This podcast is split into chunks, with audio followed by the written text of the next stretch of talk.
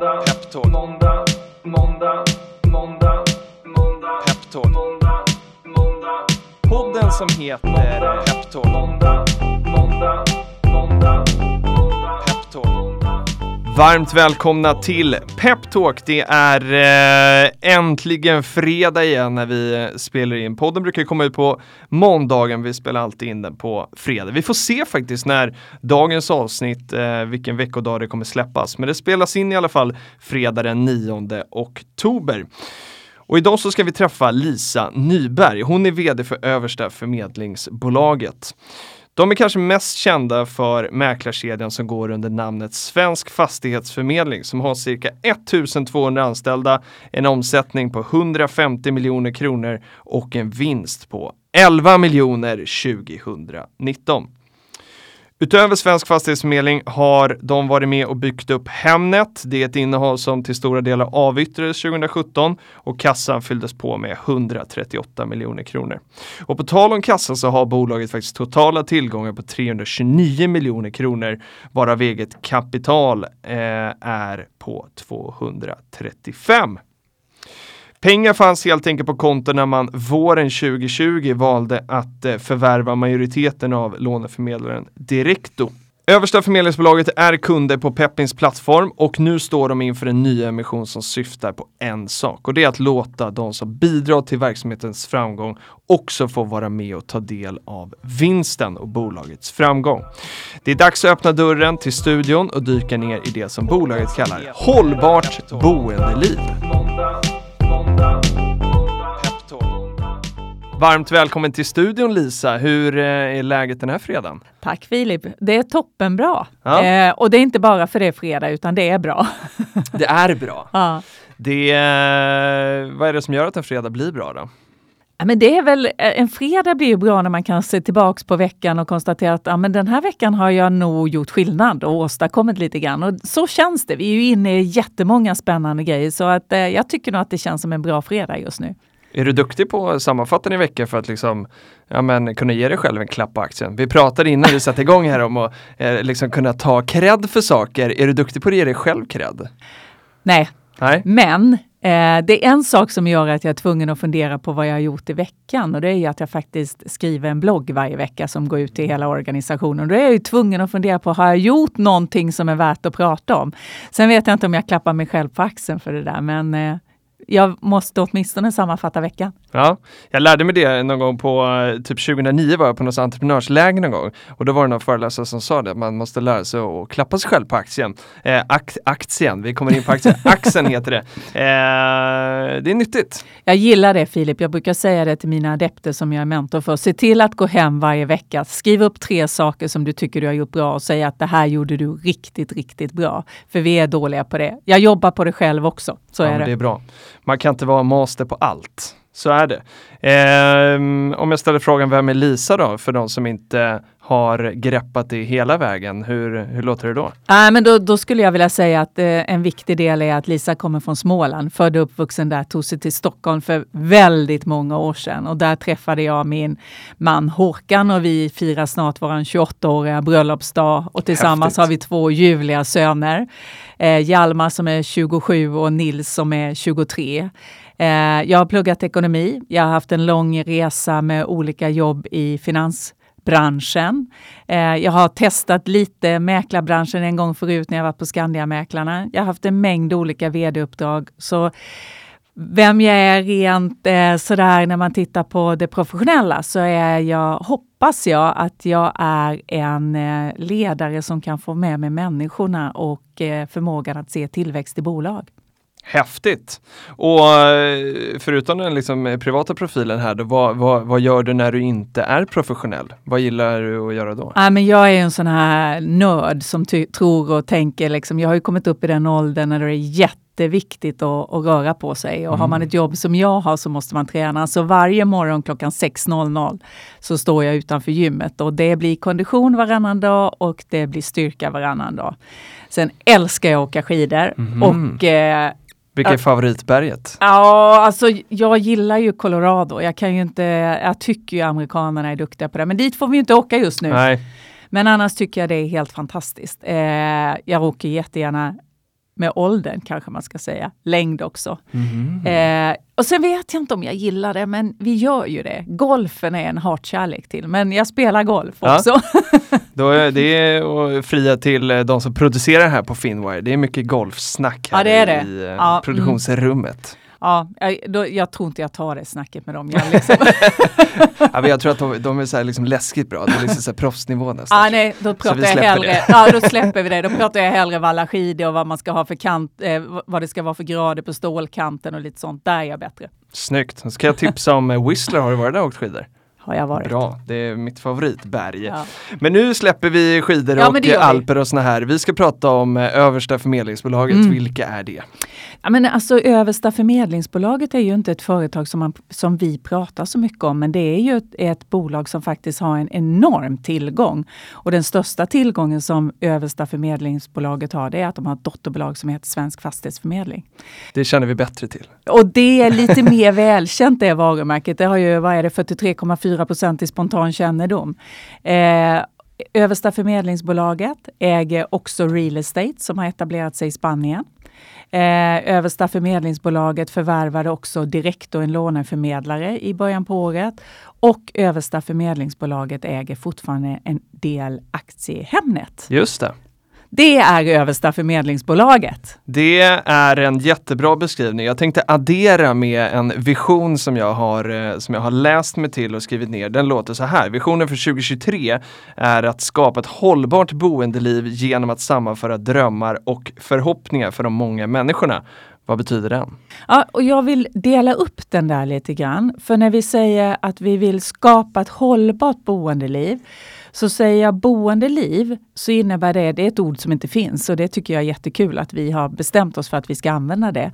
Men vi går utanför bara boendet som är att köpa och sälja en bostad. Det betyder att vi tittar också på hur kan vi hjälpa våra kunder till det som är livet runt boendet. Och där skulle man kunna säga att där kommer en sån som Direktor in som hjälper till att ge dig ett riktigt bra privatlån. Som gör livet kanske lite lättare om du ska köpa en ny diskmaskin eller något annat till ditt boende. Hållbart skulle jag vilja säga att det handlar om att vi vill hjälpa våra kunder till ett boende som inte bara handlar om miljön utan ett- boende som är hållbart för dig i den livssituation du är. Alltså, eh, har jag familj så ska hållbara vara att jag har ett boende som är anpassat för familjen och, och där, det är, där vi väger in både det sociala och ekonomiska och, och miljön i vad vi vill hjälpa våra kunder med.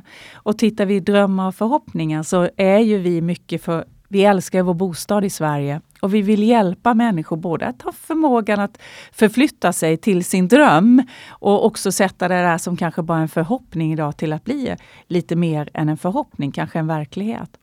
När vi pratar om de många människorna så säger vi att det är inte bara för en viss typ utan vi vill kunna vara relevanta Mm. för, för alla. Det är ju fantastiskt. Eh, man behöver inte ha den här jättespetsiga liksom, eh, målmarknaden utan det går att, går att bredda sig till många. Eh, jag tänker på det här med, med ett hållbart boendeliv. Jag tror jag hörde eh, på Ekot, eh, om det var i morse eller här i, i veckan, om att nu är det jättemånga eh, som, nu när man inte måste vara på kontor eller bör vara på kontoret varje dag i veckan, så blir ens hem också ens kontor och ens liksom, arbetsplats. Eh, hur förändrar det boendelivet? Ja men det är ju verkligen, då kommer vi ju till att det inte bara är boende utan det blir faktiskt livet. Mm. Och där ser ju vi väldigt mycket att det har förändrats både i att jag eh, kanske inte behöver bo lika nära mitt, mitt, mitt arbete Nej. utan kan flytta en liten bit längre bort. Och om jag har mitt arbete mitt i centrala delarna av den staden jag bor så kanske jag kan flytta lite utanför vilket gör att jag kan få lite större bostad för pengarna. Mm. Vilket innebär att då kanske jag har har råd att ha ett kontor på Ja, hemmaplan det. också.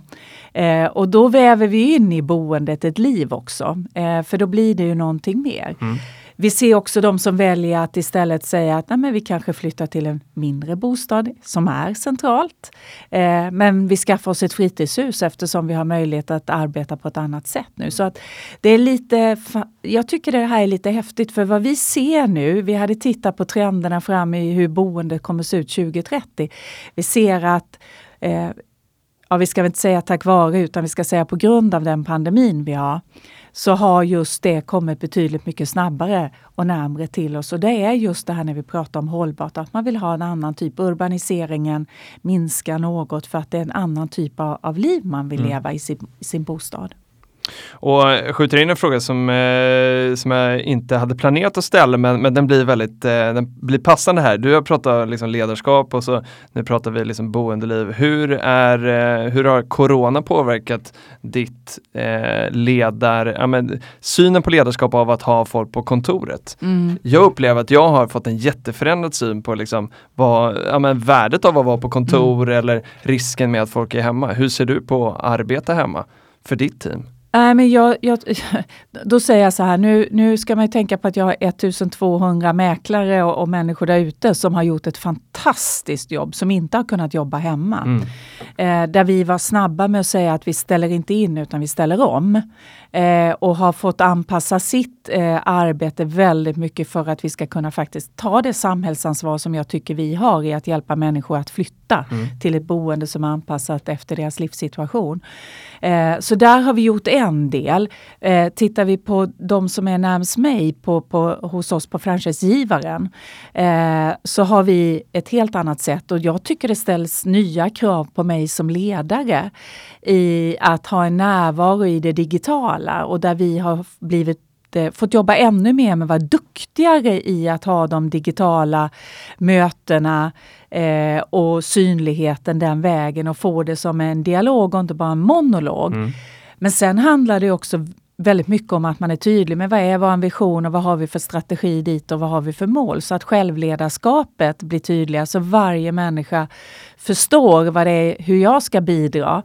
Eh, nu lyssnar säkert eh, förhoppningsvis många av mina medarbetare på huvudkontoret på det här och då vet de att det här säger jag ju ofta. Är man en på huvudkontoret av oss ungefär 40 personer så motsvarar man 2 procent. Mm.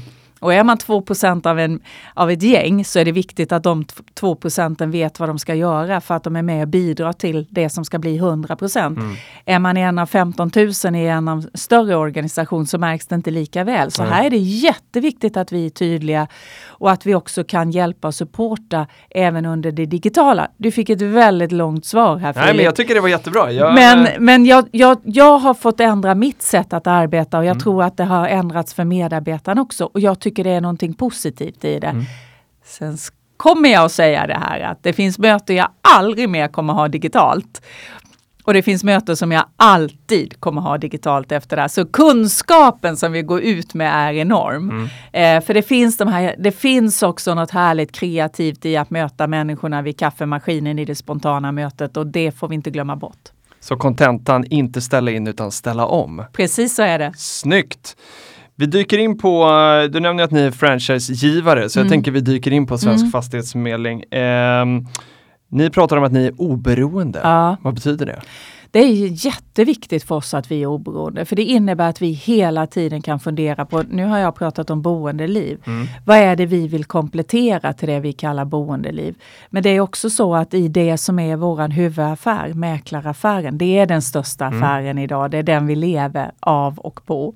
Eh, så handlar det om att vi kan säkerställa att vara den bästa mäklaren. Vi går inte ut och träffar kunder som ska sälja sin bostad eller ska köpa en bostad för att vi ska förmedla det bästa lånet till våra ägare eller se till att det blir en bra försäkring. Utan vi kan hela tiden gå ut och se till att bostaden är det viktigaste för köparen och säljare.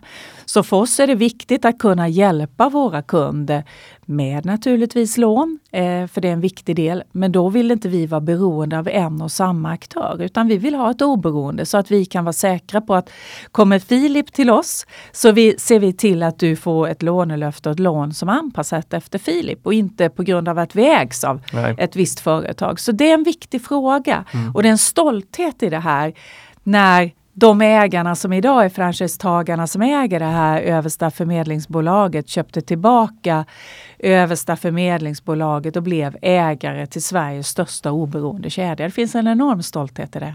Ja, jag kan tänka mig det. Och du eh, som har eh, mycket erfarenhet från finansmarknaden eh, tidigare också så vet vi ju båda att det finns ganska många aktörer där det liksom, ja, men man som konsument inte vet, är det, är det liksom, sätter de mitt viktigaste i fokus för just den här enskilda produkten? Mm. Och det är ju sällan så. Nej, och, och jag tror ju, du är så mycket yngre än jag eh, och jag tror ju att när mina, våra söner blir äldre och eh, är inne i den här marknaden så kommer de, de, de, ställa, de kommer ställa de kraven. Mm. Att då, det ska vara transparent. Man ska förstå vad är det jag betalar för de olika delarna.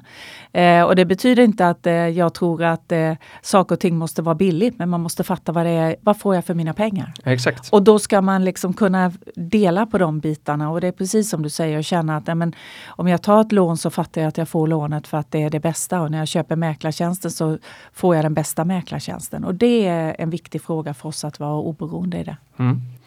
Och eh, som oberoende då, vilken position har eh, Svensk Fast på eh, bostadsmarknaden i Sverige? Ja men som oberoende är vi störst. Ja. Och då kan man säga så här, ja men är, är det viktigt att vara störst?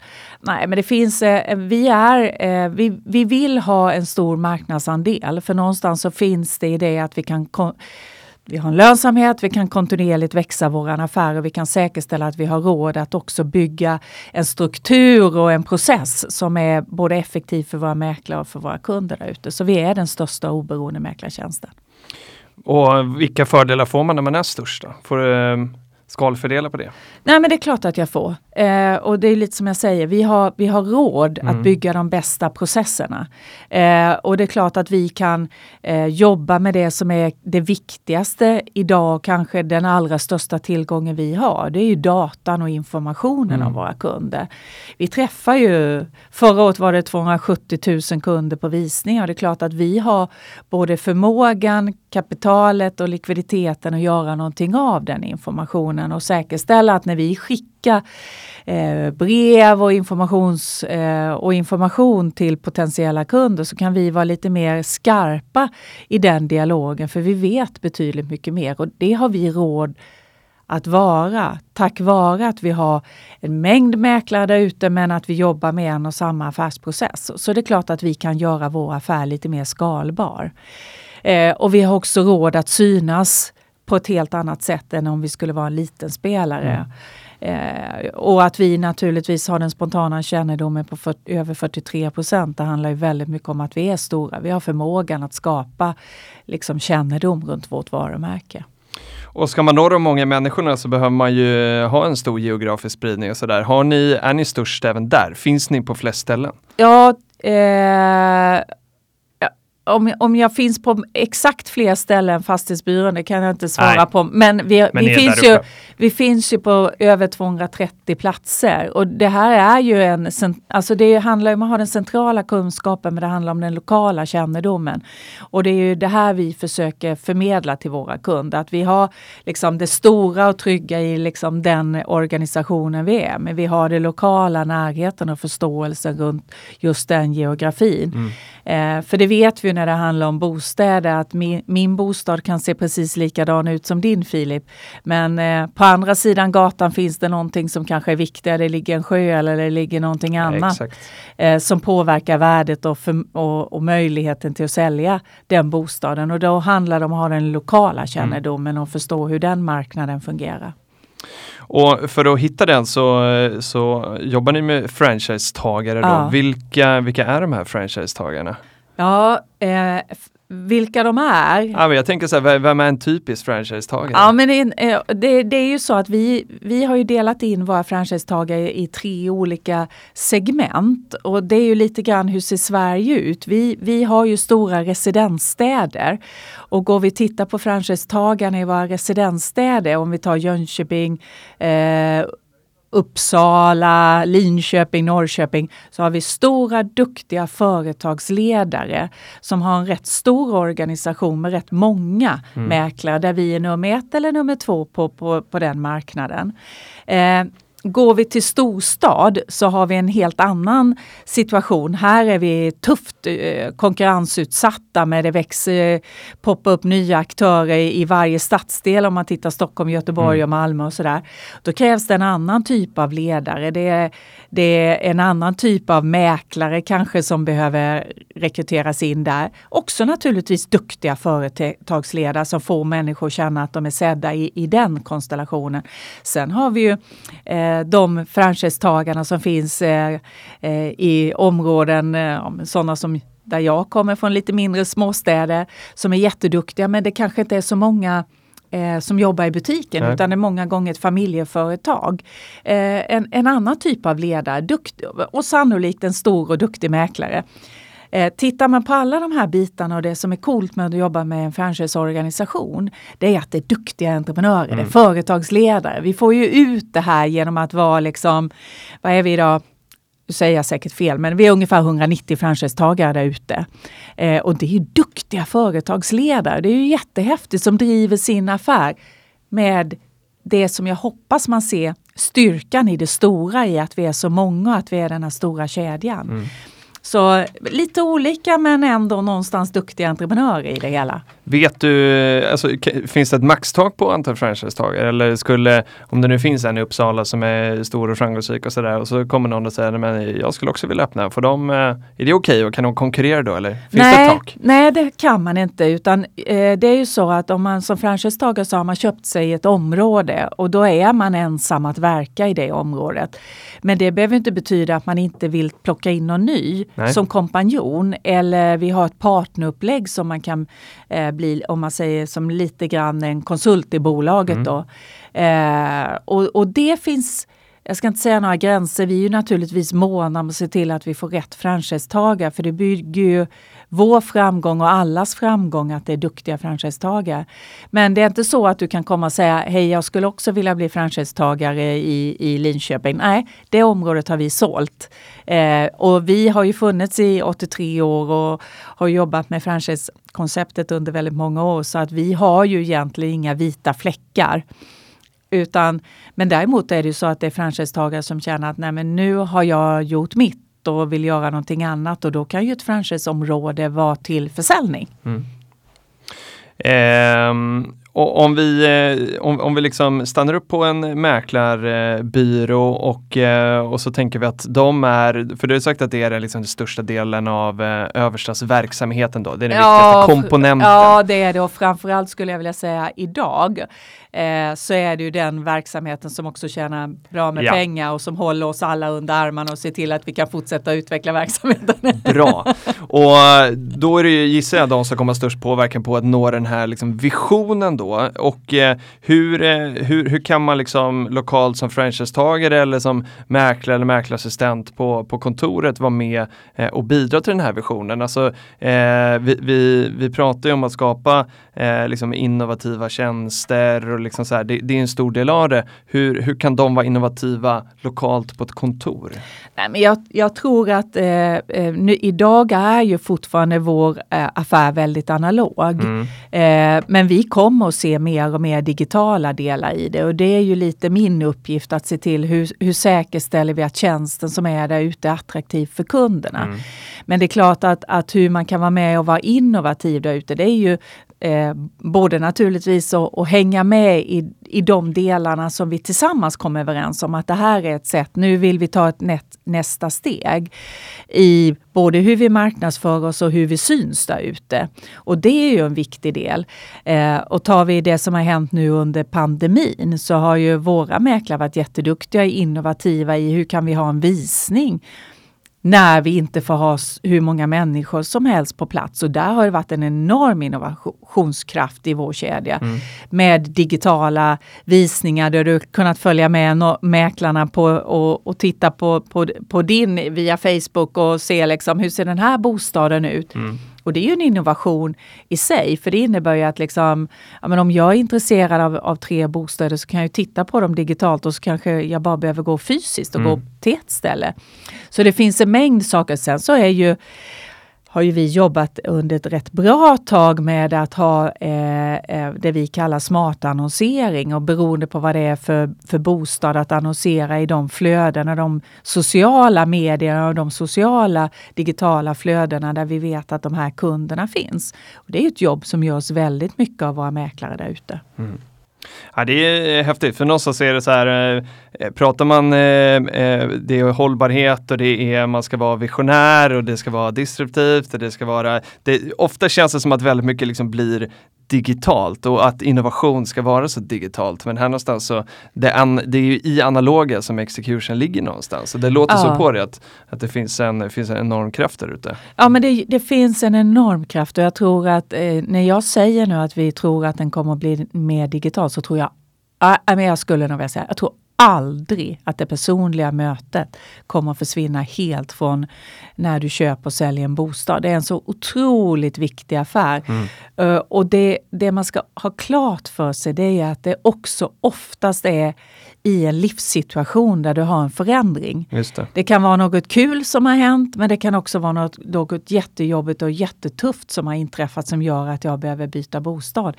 Så det här eh, fantastiska, det personliga mötet med alla våra mäklare som har förmågan att möta de här människorna i de olika situationerna och hjälpa dem i den här resan till det jag säger ett hållbart boende som är anpassat. Det, är ju, det, det tror jag aldrig att vi kommer att se digitalt. Det är en enorm förmåga som mäklarna har där ute att verkligen få kunderna att känna sig sedda i de här situationerna.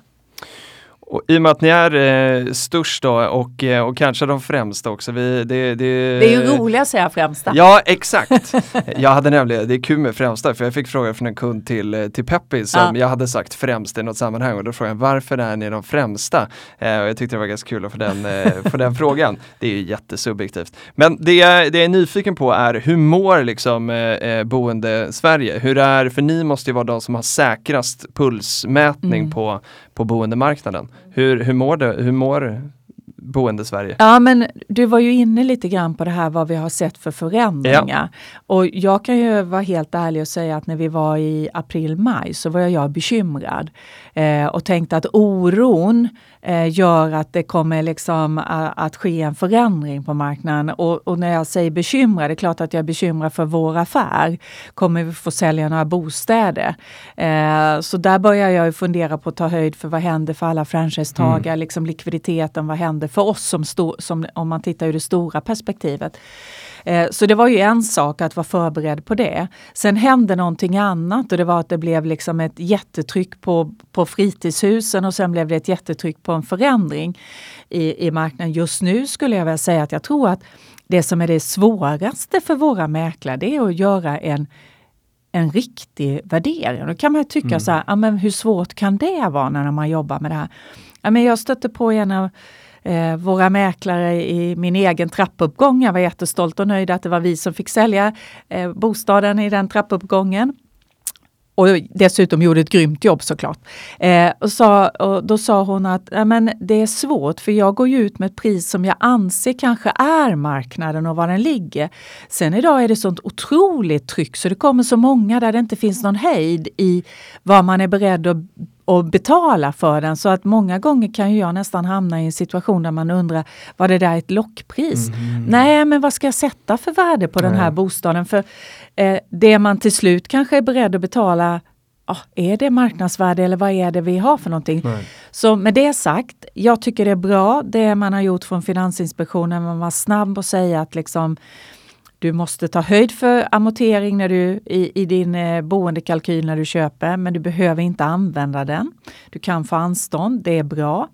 Eh, vi har inte sett någon, att man har dragit åt något i kreditregelverken utan du kan fortfarande få eh, en, en, en bra finansiering. Eh, ja, vi har sett en arbetslöshet, men den har inte stuckit iväg som det var lite en rädsla för den ligger runt 9-10 procent. Det har många tagit höjd för och om man ska krassa har det inte drabbat kanske de som har ett eget boende. Nej.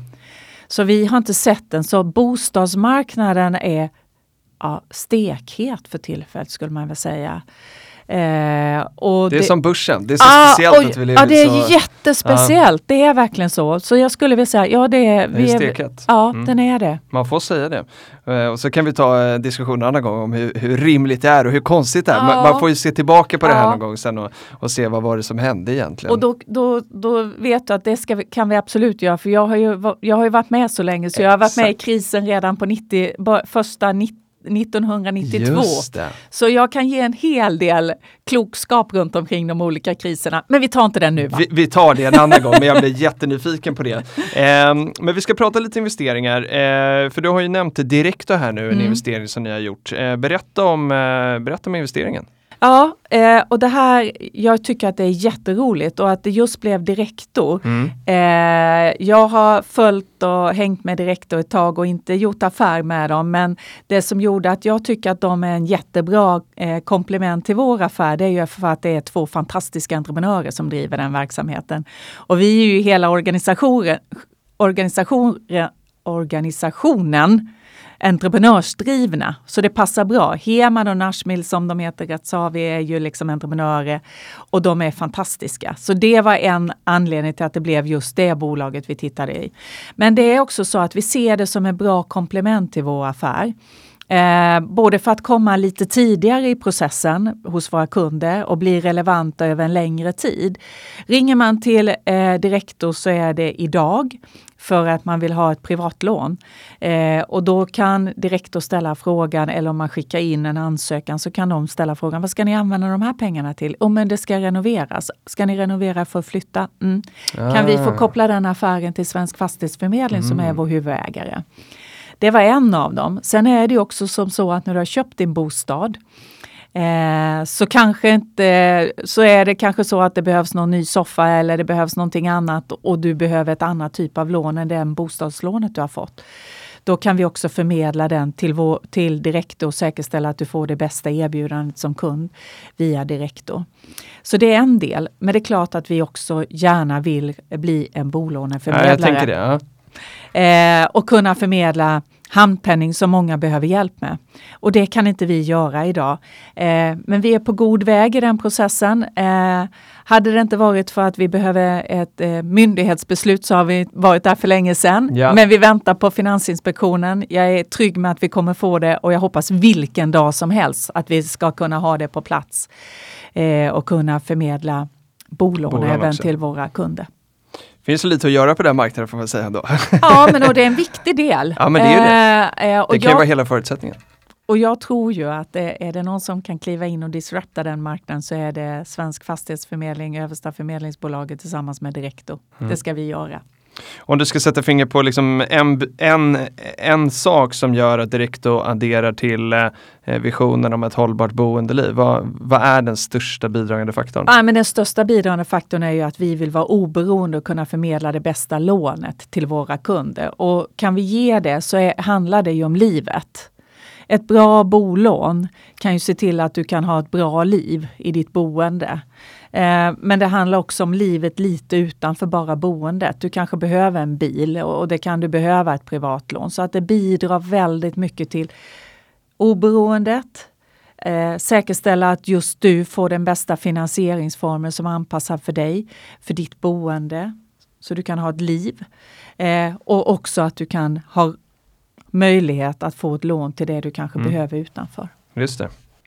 Klokt. Eh, du har nämnt Hemnet eh, lite snabbt också. Mm. Eh, och det är en investering som ni till stora delar har gått ur faktiskt, även om det finns en, en, eh, en del kvar. Är det bara en finansiell investering idag eller finns det även här någon, någon liksom logik till det hållbara boendelivet? Ja, men i, I dagsläget finns det definitivt en logik till det hållbara boendelivet. För de är ju idag den absolut största plattformen dit alla går och tittar på om de ska köpa en ny bostad och få en, en tydlig bild av vad är det för bostäder som är ute till salu. Om det i en förlängning kommer att hänga i vår strategiska, eh, det, det har vi inte satt ner foten i riktigt. Men just idag så tycker vi att, att äga en del av, av Hemnet känns som, som en bra del. Det är en en viktig del. Men det som jag skulle vilja lyfta lite grann runt omkring Hemnet och det är ju den förmågan vi har haft under hela tiden att vara innovativa och vara först ut och tänka nytt. Och där har det ju varit, ja men vi var först med kvinnliga mäklare, vi var först med söndagsvisningar, vi var, har varit först med väldigt många saker och en del var ju att vi faktiskt var först med att tänka en ny plattform och säga att nej, alla bostäder oavsett vem som säljer den borde vara på en och samma Mm plattform. Och den innovationskraften och förmågan att tänka nytt som vi tänker fortsätta att jobba med. Eh, och ur det perspektivet kan man säga idag är Hemnet en viktig, viktig spelare. Otroligt fint eh, monopol får man ändå säga på något sätt. Även om det inte är, eh, ja det är ett naturligt monopol vad man ska säga då. Jag tänker att vi ska komma in på ägarbitar lite grann. Jag är ju väldigt aktieintresserad så att, eh, nu ska vi foka på det. Eh, du berättade att för fem år sedan så köptes, eh, köptes Översta liksom tillbaka. Eh, kör en snabb recap på den igen. Vad var det som hände då? Ja, men vi, vi, jag ville, den, den tråkiga storyn var ju egentligen att Swedbank tyckte att nu köper vi Svensk Fastighetsförmedling. Eh, och, och egentligen så behöver, behöver vi inte Svensk Fastighetsförmedling mer utan vi kan ha fastighet, vår egen kedja och den Mm. kan gå under ett varumärke. Det där blev, eh, gick inte igenom eh, och då hade vi några riktigt starka, duktiga entreprenörer som tog tag i den här frågan med fanan högt och sa att det här bolaget ska inte vi låta försvinna någonstans utan vi ska köpa tillbaks det. De jobbade stenhårt med att kunna göra det eh, och få låna de pengarna som behövdes för att kunna förvärva tillbaks bolaget. Och någonstans fanns en dröm och en vision om att när vi har gjort det här så ska vi vid något tillfälle kunna öppna upp för fler ägare än vi som har klivit in i det. Idag har det varit franchisetagarna som har kunnat äga det här fina bolaget som Översta förmedlingsbolaget är. Men drömmen fanns där redan för så många år sedan att kunna öppna upp att släppa in fler ägare till det här bolaget. Så det är jättehäftig vision i det här där vi nu står till ett historiskt ögonblick faktiskt. Ja, ja men det är, det är verkligen så. Ja, och, och vi kommer liksom bygga upp för att komma in på det crescendot för att vi ska prata mycket om det. Men, men jag vill bara, eh, alltså så här, fem år, det är fantastiskt vilken Ja. resa ändå. Alltså Ja. det, det känns som att en sån här grej tar väldigt lång tid men Ja. det, det har de lyckats bra med. Nej, men det är en Eller jättefin... ni, måste jag säga. Ja, jag kan inte ta mig så mycket av äran faktiskt. Jag vill inte göra det i det här fallet. men, men det, utan det är en fantastisk resa att ha förmågan att, att hämta tillbaka ett bolag som var ganska sargat. Mm. Eh, och, och, och också bygga på ett varumärke och bygga det så starkt. Mm. Så jag tycker det är fantastiskt och, och den resa som är gjord av de här ägarna är fantastisk. Där man har i sin klokskap jobbat med liksom att bygga varumärket, se till att vi bygger styrkan i att ha en affärsplattform och vara kloka i alla de delarna som har gjort att man hela tiden har kunnat ha en, en, en fungerande verksamhet och fortsätta växa. Det vi har haft utmaningar under den här vägen har ju varit ett starkt varumärke men vi har tappat lite marknadsandelar. Tycker vi är på väg nu att se att det finns någonstans en att vi vänder lite uppåt. Men vi har, det som är kul det är att vi har haft tillväxt i bolaget. Och det är ju trots allt det vi lever av. Exakt. och liksom, ni gör ju en stor grej av att eh, ni ägs av medarbetarna och, eh, och hela den här resan som vi nu är på väg in i också med, med att öppna upp för, eh, för, för alla.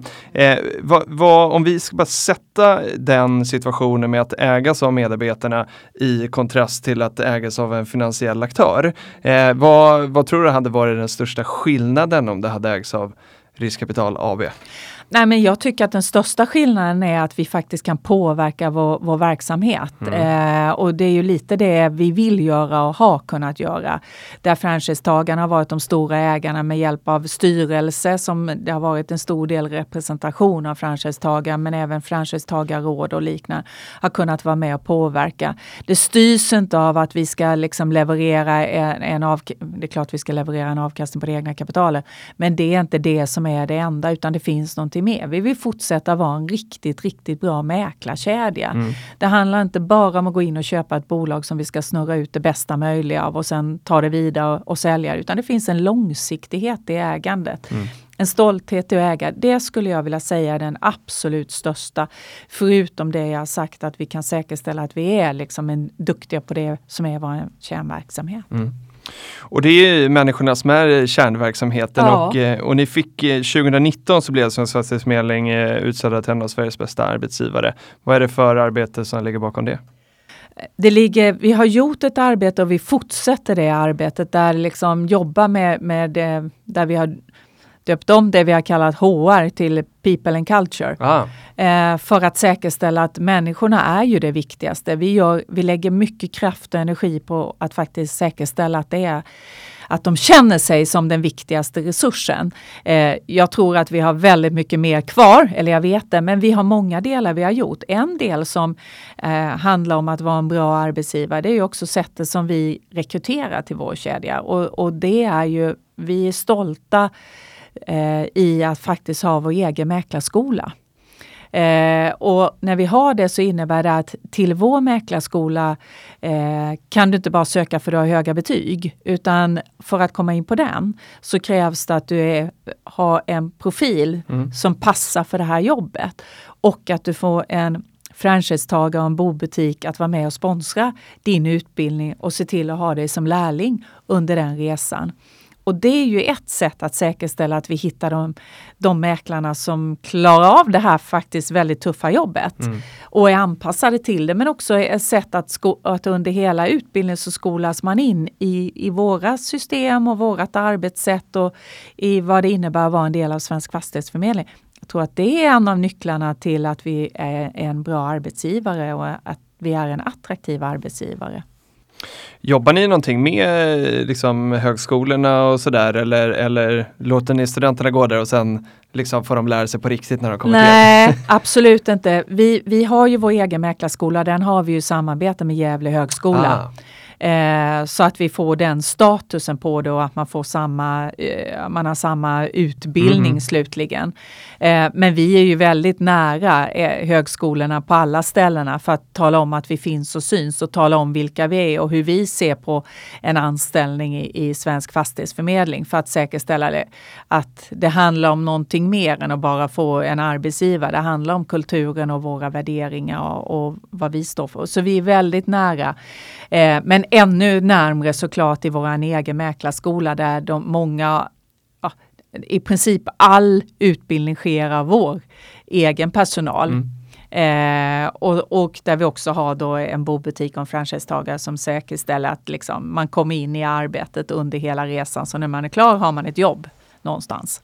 Det är otroligt häftigt alltså. Ja, det, jag tycker att det är Ja. häftigt för det är ett samhällsansvar i det också. Ja, men jag menar det. För det, här är det ju människor som eh, kanske har kommit, till och med kommit till Sverige på andra delar än att man har bara ett jättebra betyg. Men man är Ja. sjukt duktig på att, att göra det jobb som ska göras som mäklare. Mm. Och där har ju vi möjlighet att välja precis de vi tror ska passa. Inte bara för att eh, Lisa eller Filip hade bra betyg. För det är inte alls givet att man blir en bra mäklare på grund av det. Så att det, jag är jättestolt över det. Ja, det är, eh, när vi pratar också om eh, arbetslöshetssiffror och såna här grejer som, som går upp så kan man ju verkligen vara med och påverka när man eh, får äga kedjan hela vägen. Ja, så är det. Eh, men nu Lisa kommer vi in på det som är eh, det, det roligaste av allt och det som är hela syftet med, med det vi har liksom byggt upp samtalet för och det är ju att eh, idag då så, så ägs ju översta av de här eh, 190 någonstans, nej 200 ungefär aktieägare eh, och de flesta är franchisetagare då. Eh, och nu ska ni bjuda in samtliga medarbetare. Ja, Det är, eh, ja men jag ryser lite grann för att Ja. jag, det här, det här, jag brinner ju för sånt här. Jag tycker att man ska liksom låta alla få vara med och, och äga det man är med och bidrar till. Ehm, hur har ni liksom kommit hit på de här fem åren? Vad, vad, vad, vad är den enskilt liksom viktigaste saken som gör att ägarna har sagt att ja, men det är klart att alla ska få vara med? Nej, men, eh, och jag ryser också för jag tycker det här är så kul för Mm. nu får jag också vara med och äga Ah, det här. Jag snyggt. tycker det är så Sitter galet båten. Ja. roligt. jag har ju varit avundsjuk på de där franchisetagarna som fått äga och fått handla med sina aktier. Eh, nej men alltså att eh, lite som jag sa, det här var ju tanken hela vägen. Mm. Idag står vi med ett bolag som vi känner, vi är på väg att ta så många steg. Vi har förvärvat direkt och vi har klivit in i Spanien. Vi tittar jättemycket på hur vi ska fortsätta och, utveckla den eh, både bygga en kompletterande naturligtvis relation med våra kunder när vi pratar om boendet och boendetjänster men också titta på hur vi ska fortsätta bygga den digitala tjänsten. Så känns det väldigt kul att kunna säga, vet ni, nu får alla som är inom, inom den här sfären vara med och vara ägare av det otroligt fina bolaget som vi idag äger och vara med och vara än mer delaktiga i den visionen vi har lagt och den resan vi ska göra framåt. Så det känns som ett klockrent startskott för Mm. att säga att välkomna in nu alla liksom eh, alla anställda att hänga med på den här spännande resan som vi har påbörjat och, och har gjort vissa steg i. Men det kommer, vi kommer fortsätta och vi är på god väg i så himla många spännande grejer. Nej, det, är, det är otroligt häftigt och, och det sämsta med det här är att jag, jag inte jobbar på Svensk Fast så jag är ju inte en av de här. Eh, För jag tänker bara, var, var ska man, eh, var, var drar man gränsen någonstans? När vi säger alla, eh, är det alla som är liksom anställda på något sätt inom koncernen då? Ja, det är anställda i koncernen, det är styrelsemedlemmarna i våra styrelser och, och i alla dotterbolagen som får vara med. Men Filip, du tror inte du har anlag för att bli, för, för att bli mäklare? Ja, jag men tycker jag, tror ser är lite... okej, Jag tror jag är okej att att- sälja. Så Jag att, tror jag också det. och, eh, och, och för mig är ju sälj bland det finaste som finns. Det är att man skapar värde för någon. Eller Så att, eh, hur? Eh, ja, vi får se. Det, det kanske blir en, eh, kanske blir en eh, bana dit också. Vi får se. Eh, jag tänker bara att vi ska gå in i, på att berätta vad, vad som händer i praktiken här Mm. då någonstans. För att jag inledde den här podden med att berätta ungefär hur Översta ser ut finansiellt och sådär. Och när man hör det så förstår man att ni behöver inte ta in pengar. Nej. Eh, men nu, nu gör ni då en nyemission för att kunna släppa in eh, alla medarbetare och då kommer ni ta in max 25 miljoner eh, och priset per aktie blir 145 kronor. Och det är en värdering då på 146 miljoner. Varför ska man investera i i det här erbjudandet? Jag tycker att den viktigaste delen till att man ska investera eh, tycker jag faktiskt är för att du får möjlighet att vara delaktig på ett helt annat sätt. Mm. Du blir aktieägare och känner att du är, du är med på en spännande resa. Och jag går ju igång på sånt och jag hoppas ju att alla mäklarna där ute känner vad kul. Mm. Här är jag inte bara en anställd utan jag kan faktiskt också få vara med och vara lite mer delaktig i att äga det här eh, holdingbolaget som äger Svensk Fastighetsförmedling. Och det hoppas jag att man ska känna att ja, men här öppnar vi upp och att det, det blir någonting annat än att man känner en större delaktighet och engagemang i sitt bolag. Mm. Det är vad jag vill att det ska vara nummer ett. Mm. Sen har ju vi varit måna om att, eh, jag, tycker det är fantastiskt av ägarna som har sagt att det är okej att kliva in på den här nivån på 145 kronor. Eh, men vi har också varit måna om att säga att det behöver inte vara en större post än 10 Nej. styckna. För att vi vill att så många som möjligt verkligen ska hänga på det här och känna att liksom, ja, men det där klarar jag av. För då är det knappt 1500 kronor jag ska lägga på att kliva in och få en post. Just det. Så det är en viktig del i det. Så, så liksom, och sen är det ju så här, ja men vi är ett bolag som eh, när du kliver in så finns, finns det ett högre värde. Eh, jag har ju ett uppdrag att, säkra, att, att fortsätta bygga marknadsvärde. Så är det ju. Mm. Och det är ju den resan vi är på väg med, de förvärven och de organiska tillväxten vi har gjort också. Så att liksom, vi bygger ju ett, ett värde så att förhoppningsvis så är aktien värd ännu mer. Men sen har vi också haft en god direktavkastning. Sen kan jag ju säga att det är ju min utmaning att vara både ett direktavkastande bolag och samtidigt vara ett tillväxtbolag. Men ja, Ja, men för jag tänkte fråga om det, för det är, eh, det är ändå en, en, kan vara en stor del för många som investerat, man får en liten kupong varje år att det tickar ut lite utdelningar. Ja. Är det, eh, har du det från styrelsen som ett finansiellt mål, att liksom, eh, vi ska växa men de, den här 9 kronan eller vad det var som delades ut senast, den ska ut varje år? Alltså styrelsen har varit sjukt tydliga och ägarna har varit jättetydlig mot mig och sagt Lisa, det ska vara en direktavkastande eh, aktie och Mm. vi ska direktavkasta i det här bolaget. Men vi ska ha tillväxt. Så liksom lyckas med det är du snäll. Nej men, det, men jag, vill, jag vill vara jättetydlig med att säga ja det är en tydlig signal från Mm. styrelsen att det ska vara en utdelning på varje aktie. Och, och, och i vilken nivå har vi ju naturligtvis inte. Vi Nej, är ju inne i budgetarbete men det var nio kronor senast så var det. Ja, men det kan vara intressant att, att, att ha med sig. Nu, nu handlas ju den här eh, aktien inom den här liksom slutna kretsen så att nu finns det möjlighet till likviditet eh, också. Men utdelningen kan ju, är man långsiktig så, så är det ju faktiskt den enda, enda, enda sättet att få lite avkastning liksom, löpande också. Så att jag Så förstår ändå vikten någonstans. Nej men så är det. Och eh, det som händer nu då är att eh, teckningsperioden börjar den 23 oktober Ja, eh, och eh, pågår till 30 november. ja.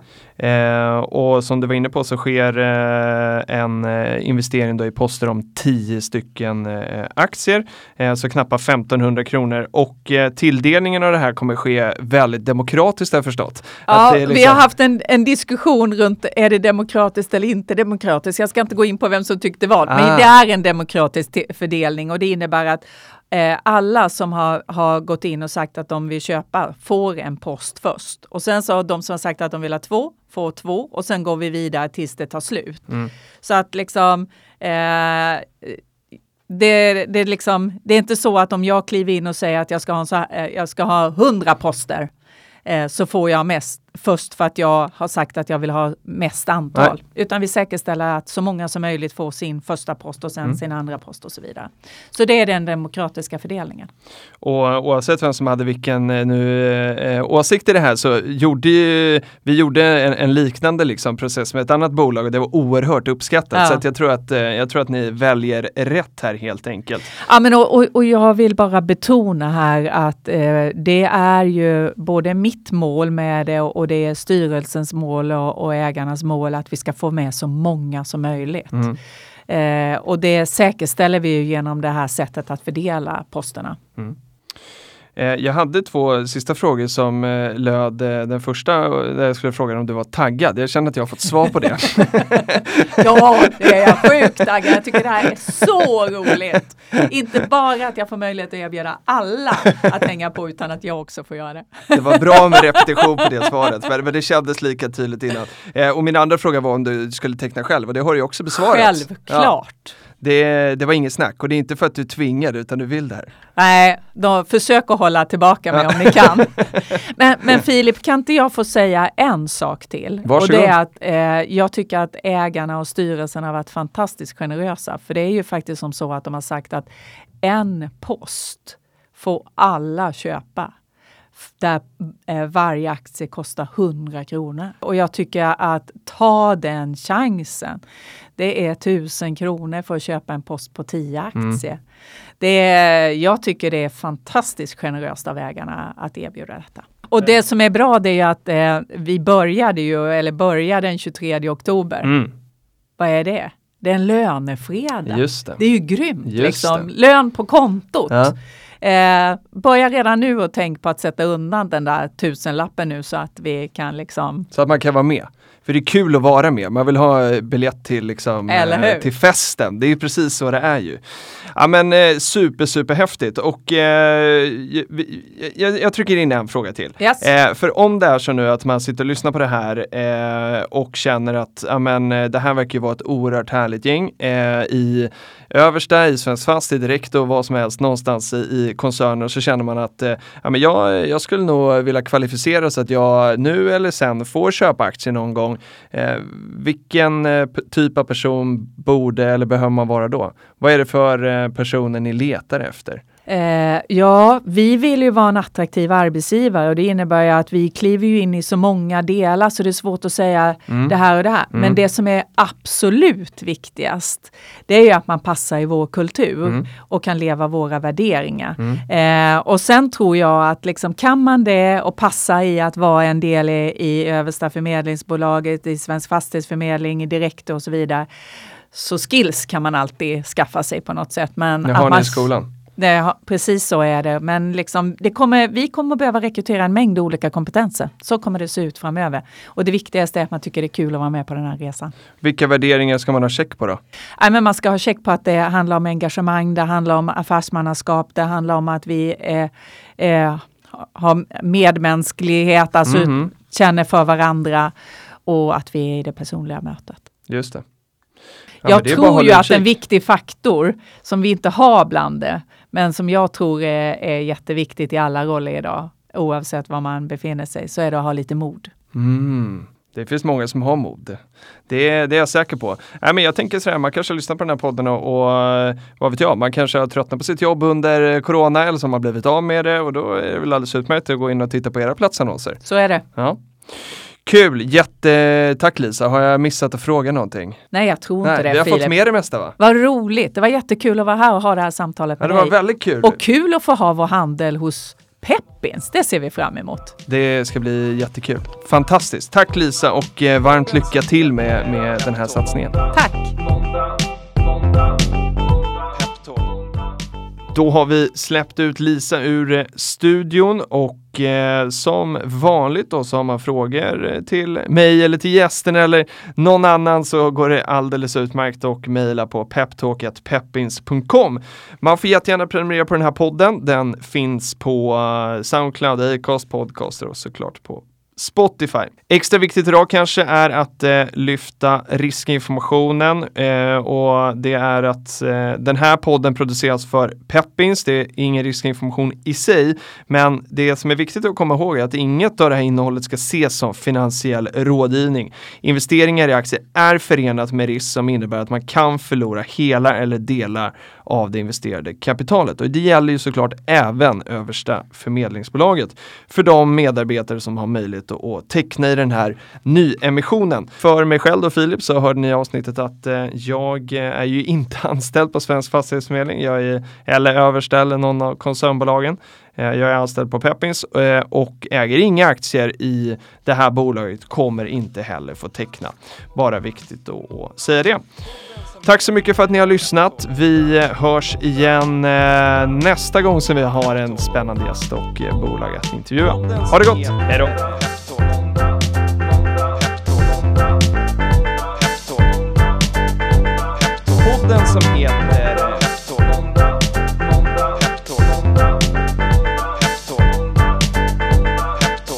Som heter eh,